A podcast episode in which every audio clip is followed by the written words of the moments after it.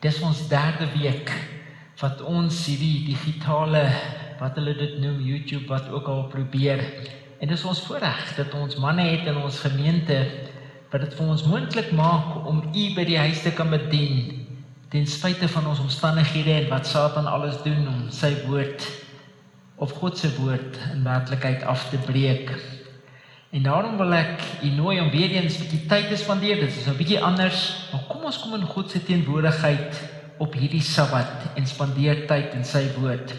Kom ons maak die oë toe. Ons kragtige Jesus. Baie baie dankie dat ons die voorreg het om u woord te kan deel in hierdie tye. Dat ons kan indrink u waarhede en dalk meer as nog ooit tevore 'n geleentheid gegee word om saam met u te spandeer op tye wat ons nooit voortyd het nie. Mag u ons aanraak met u Heilige Gees terwyl ons nou u woord oopmaak. Vra ons in Jesus se wonderlike naam. Amen. Vir ons skriflesing lees ek vir u uit Hebreërs, Hebreërs hoofstuk 13 net versie 6. Ek lees uit die 53 vertaling. Dit sê: Daarom kan ons met alle vrymoedigheid sê: Die Here is vir my 'n helper en ek sal nie vrees nie. Wat sal 'n mens aan my doen? Ons boodskap hierdie Sabbat is getiteld Ons vyand vrees. En dit is nie maar die ou groot vyand in ons lewens nie, veral in hierdie tye wat ons leef. Ek bedoel Ons as mense het nog nie so iets ervaar nie. In al die eeue was dit nog nooit so globaal nie. En daarom werk die duiwel om vrees in ons harte in te bring en ons heeltemal uitmekaar uit te skeer. Weet 'n baie interessante storie wat dateer uit die 1800s word vertel uit Amerika. Dis nog die dae van die cowboys en die wilde weste van 'n sekere gevreesde rower wat bekend gestaan het as Black Bart. Nou ou swart Bart, soos wat ek hom sommer in Afrikaans noem, het letterlik die amptelike hoofkoetsroete, hoofposkoetsroete wat bekend gestaan het as die Wells Fargo roete vir 13 jaar geterroriseer. Hy het vinnig die reputasie verwerf as die gevaarlikste en die mees gevreesde rower van sy tyd in die hele land. Van San Francisco tot New York het koerante stories gepubliseer wat daarvoor gesorg het dat sy naam geassosieer is met angs, vrees en die dood. Hy was glo so vinnig met sy geweer dat nog voor jy jou oë kon knip, het hy reeds die sneller akkuraat getrek. Oorals is mense met vrees gevul as hulle net sy naam gehoor het. Swart Bart, Black Bart. Gedurende sy skrikbewind wat gestrek het van 1875 tot 1883, het hy nie minder nie as 29 poskoetse van hulle sakke beroof en dit alles sonder om een skoot te skiet. Hy het nooit nodig gehad om dit te doen nie, want jy sien, sy werklike wapen was sy reputasie en sy ammunisie was intimidasie. Sy blote teenwoordigheid was genoeg om al sy slagoffers te laat bewe en lam te lê van vrees. Dit wil vertel dat as hy 'n poskoetsroete, 'n poskoets opgehou het, het hy soveel vrees ingeboesem dat hulle dadelik hulle wapens neergegooi het en alle geld aan hom oorhandig het. Niemand het dit eers gewaag om direk in sy rigting te kyk nie, uit vrees dat dit dalk as 'n uitdaging geïnterpreteer kon word. Alleenlik sy koue oë was sigbaar, soos wat 'n serp en 'n hoed sy gesig bedek het. Geen slagoffer het ooit sy gesig gesien nie en nooit het iemand geweet hoe hy gelyk het nie. En boonop kon geen sheriff daarin slaag om sy spoor te agtervolg en hom te vang nie. swart bart. Die gevreesde rower met die bedekte gesig en dodelike wapen het so soos 'n spookbeeld die berge en vlaktes van Nevada beheer. Maar natuurlik die mees interessante deel van hierdie verhaal is die einde. Daar word vertel dat toe die owerhede uiteindelik daarin geslaag het om hom na 13 jaar aan te keer, het hulle tot ontnigting ontdek dat hy toe nooit al die tyd iemand was om voor bang te wees nie. Inteendeel, nadat die serp af is en die hoed verdwyn het, het hulle afgekom op 'n tingerige ou mannetjie. Hulle het 'n koue, harde, bloeddorstige man van doodsvallei gesoek. Maar hulle het afgekom op 'n bang, tingerige, morfineverslaafde man van Decatur, Illinois.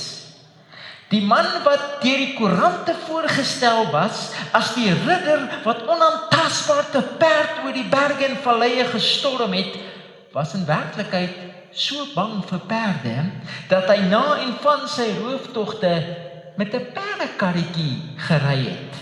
Dis toevallig een van die redes hoekom hulle hom nooit sy spoor kon kry nie, want hulle het altyd 'n perd se spoor gesoek van een man en nooit 'n perdekarretjie nie. Sy naam was Charles E. Bowles, die rower wat nooit eers een skoot geskiet het nie, want sy geweer was nooit eers gelaai nie. Hy was te bang. Sjoe. En wat is die dinge waarvoor u bang is in u lewe? Hoeveel dinge loer elke dag vir u met koue oë en 'n bedekte gesig en staar? En net soos swart Bart, slaag die duiwel ook baie keer daarin om ons bang te maak vir die onbekende. En deur vrees in ons lewens in te bring, slaag hy maklik daarin om ons van ons vreugdes te beroof en ons so te intimideer dat ons begin bewe en bang word. Is die duiwel dalk ook besig om jou met vrees te intimideer? en te keer dat jy jou Christelike lewe voluit lewe. Hierdie virus het ons almal so gehok, ons so bang gemaak. Selfs 'n ou hoesie en 'n ou seerkeeltjie gooi ons heeltemal omver en laat ons werklik bewe. Weet jy hoeveel Christene is vandag bang om voor mense te erken dat hulle Christene is? Hulle is net bang om dit te erken of vir mense te te erken en getuig wat hulle glo. Weet, ek moet bieg, ek het al by lidmate gekom en dan soek ek hulle partytjie by hulle werk en en dan weet hulle kollegas nie eers wat 'n kerk hulle is nie. In die een geval by die een man se sekretaresse het sy nie eers geweet hy's 'n Christen nie. Wat nog te sê van iemand wat die Sabbat gehou het? Hoeveel adventiste is bang vir wat in die tyd van die einde met hulle gaan gebeur met die gevolg niemand mag weet ons hou die Sabbat nie want want net nou word ons vervolg. En hoe baie keer skrik ons nie en is ons bang vir die swart baarde wat die duiwel ook in ons lewens bring en wat met sy koue oë na ons loer. En as ons eerlik moet wees met onsself, dan moet ons erken dat vrees tog 'n baie groot deel van ons lewens uitmaak. Wanneer laas het u in 'n begrafplaas geloop en en, en dan het vrees in u oor kom fluister, "Hey, jy's dalk volgende." Of as jy moet ingaan vir 'n operasie, dan het vrees in jou opgekom wat sê, hey, jy mag dalk nie weer wakker word nie. Of ek begin hoes. O God, die virus. Of ek het voel nie lekker nie, die virus. En hoeveel keer het vrees nie u al laat sweet oor dinge wat dalk kan en mag gebeur wat in elk geval nooit gebeur het nie. Weet Dit sê vir ons of die geleerdes sê vir ons dat 99% van die dinge waaroor ons elke dag bekommerd is, gebeur nooit in 'n geval met ons nie. Maar jy sien, dit is natuurlik hoe die duiwel werk. Vrees is seker een van sy grootste wapens wat hy baie suksesvol teen ons gebruik om ons van ons geluk en getuienis te beroof want waar daar vrees is daar's ook twyfel en waar as ons twyfel in iets dan is jy outomaties vatbaar vir ander oortuigings wat die duiwel so graag in ons lewens wil inbring om ons 'n skewe konsep van ons God te gee. En hoe baie keer het ons nie ook al getwyfel of daar wel 'n God is wat ons kan help nie. Hoeveel keer twyfel ons nie?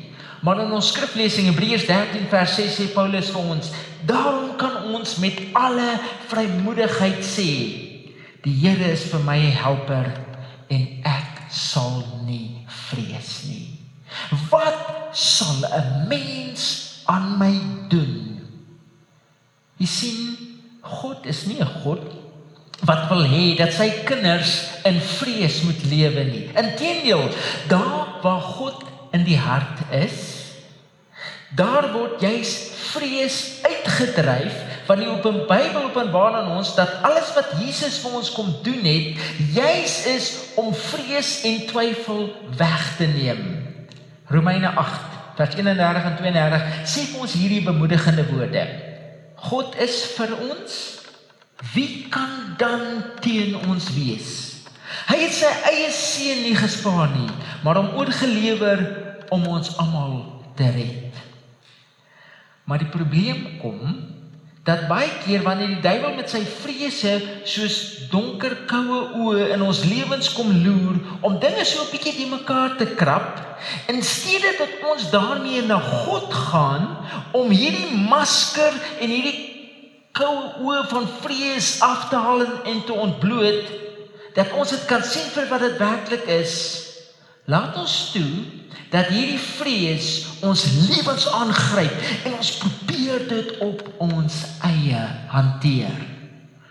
Ons bou natuurlik vir ons hoë mure vir sekuriteit. Neem selfverdedigingsklasse, skryf sekere dinge neer, skaf vir ons gebeure aan, kry kos, pak ons kaste vol sodat ons net veilig kan wees, dat ons reg kan wees en dat ons goed kan wees. Weet of dalk op 'n baie meer subtiele wyse probeer ons mag bekom. Want dit laat ons beter en veiliger voel. Ons streef na rykdom wat ons die nodige sekuriteit kan gee waarom en binne ons veilig kan voel. Of ons kweek vir ons status aan en ons probeer veiligheid soek deur bekend te wees en in die kollig van hierdie wêreld te lewe. Maar kan mag, kan rykdom, kan populariteit ons werklik verlos van ons vrees? Kan dit? Kom ons kyk eerstens na mag. Kan mag en gesag ons vrese wegneem? Nou, as dit kon, dan moes Josef Stalin, hierdie welbekende Russiese premier van die verlede, in werklikheid vreesloos gewees het. Want hy het vir homself so 'n geweldige magbasis opgebou, so wat so sterk was dat ek bedoel dat dit deur menigte regerders begeer was. Maar in steede van vreesloos was hierdie berugte Russiese premier te bang om in die aande bed toe te gaan, word daar vir ons vertel. Hy het sewe slaapkamers gehad wat elkeen se deur soos 'n kluis kon sluit. En in 'n poging om enige voormalige sluipmoordenaar te vyk, het hy elke aand in 'n ander kamer gaan slaap en niemand het geweet wat die een nie. Vyf limousines het hom altyd te gelyke tyd na en van sy afsprake vervoer en die gordyne was altyd dig toe sodat niemand presies kon weet of sien in watter een was hy gewees nie. Hy was so vasgevang in vrees dat hy 'n spesiale dienskneg aangestel het wie se enigste verantwoordelikheid was net om sy teesakkies te monitor en op te pas. Wow, hè? Huh? En is bang vir 'n virus. Nou het mag Stalin gehelp om vreesloos te wees? Nee. Gaan mag jou help om vreesloos te wees? Mm -mm. Nou wat van rykdom? As geld en besittings vrees kan oorkom, dan moes die gewese biljoenêr Howard Hutchins seker een van die vreeslose lewens gelei het. Want ek bedoel hierdie ou het nie eens die einde van sy geld geken in sy tyd nie. Jy kan hom gerus Google Howard Hutchins. 'n skatryk man, 'n bekende man wat in die hoë kringe van die wêreld gelewe het, 'n biljoenêr. Maar dit word vir ons vertel dat sy onvermoë om mense te vertrou en sy obsessie oor kieme het hierdie biljoenêr na Mexiko gedryf waar hy 'n eensame dood as 'n bleek kluisenaar gesterf het met 'n baard wat tot op sy maag gehang het en kurktrekker vingernaels. Het Howard Hutchins se rykdom hom gehelp? Gaan rykdom jou help? En wat van populariteit? Weet die Beatles, so John Lennon was 'n man wat groot bekendheid verwerf het as 'n sanger, liedjie-skrywer en 'n popster met wêreldse bekendheid. Ek bedoel John Lennon is selfs vandag nog baie baie bekend. En was hy vreesloos? Nee. Al sy vrese het hom groot ongelukkigheid gebring. Hy is deur lewensbeskrywers beskryf as 'n bang man. Iemand wat selfs te bang is om in die lig af te slaap en te bang om dinge te raak omdat dit dalk kan kieme hê. Dalk kan vuil wees. Nou, kom ons wees eerlik, hierdie 3 is wel uiterse gevalle, maar tog is dit vir ons 'n baie goeie bewys dat gesag, dat rykdom en populariteit Met ander woorde, alles wat ons as mense kan doen, geensins ons kan verlos van vrees nie. Psalm 118 vers 8 en 9 sê vir ons dit is beter om by die Here te skuil as om op mense te vertrou. Dis beter om by die Here te skuil as om op edeles te vertrou. En ek wil dit is so waar. Vir ons as mense is die enigste oplossing vir ons vrese 'n lewende verhouding met Jesus Christus. Het jy daai verhouding? Het jy daai verhouding wat vrees uit jou lewe wegdryf? Weet dit word vertel dat tydens die vervolging van baie Christene in die middeleeue in die Kolosseum van Rome waar hulle tot die vermaak van duisende mense doodgemartel en verhonger leeu's en diere gevoer is, het Christene baie keer in die middel van hierdie Kolosseum gestaan met hulle hoofde opgehef terwyl hulle bid tot God met stralende gesigte terwyl hongersleeu's op hulle afgestorm het. Tydens een so 'n geleentheid terwyl 'n klompie Christene weer eens met hoofde omhoog gebid het het Nero hulle so gekyk en verbaas het hy gesê aan sy amptenare hulle sien iets wat ons nie sien nie. Hulle sien iets wat ons nie sien nie. Weet jy wat daai iets? Hulle sien Jesus. Soos Jesaja 12 vers 2 vir ons sê Ja, God is my heil. Ek sal vertrou en nie vrees nie, want die Here, Here is my krag en my psalm en hy het my tot heil geword. Daarom kan ons in alle omstandighede vreesloos wees as ons ons oë gerig hou op die kruis en die opstanding en in die versekering dat Jesus vir ons oorwin het. Enig kan in daai vreeslose staat lewe deur net ons oë gefokus te hou op die kruis. Ek lees 'n baie interessante storie wat vertel van 'n klein seentjie, so 7 of 8 jaar oud, wat in 'n motorongeluk sy regterarm tot hier teen die skouer verloor het.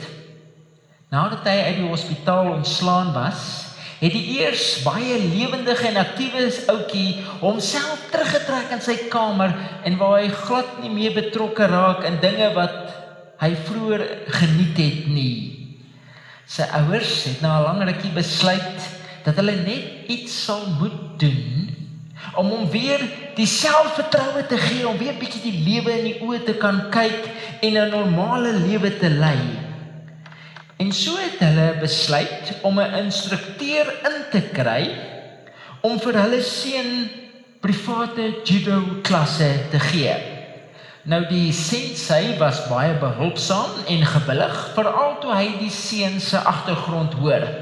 En soos wat hy tyd met die seun deurgebring het, het hy begin om hom 'n sekere en 'n baie moeilike beweging in judo te leer.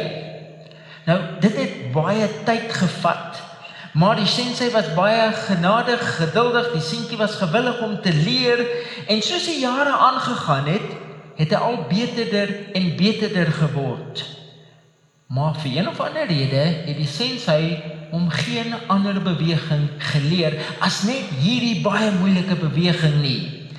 Jare later toe hy redelik dit onder die knie begin kry in sy tienerjare, het die sensei hom begin inskryf in kompetisies en het hy stadig maar seker al hoër en hoër die leer van sukses begin klim. Eers het hy provinsiale vlak bereik, later nasionale vlak en toe hy bietjie ouer word, redelik ouer, het hy op 'n dag deurgedring tot die wêreldkampioenskappe. Maar een ding het hom gepla. En hy het sy sensei genader en hom gevra: "Sensei, al hierdie ouens waarteen ek kompeteer, ken almal so baie bewegings in judo. Maar hoe is dit dat jy nou vir my na al die jare net een beweging geleer het en dat ons nou al die tyd, al die jare net hierdie een beweging oefen.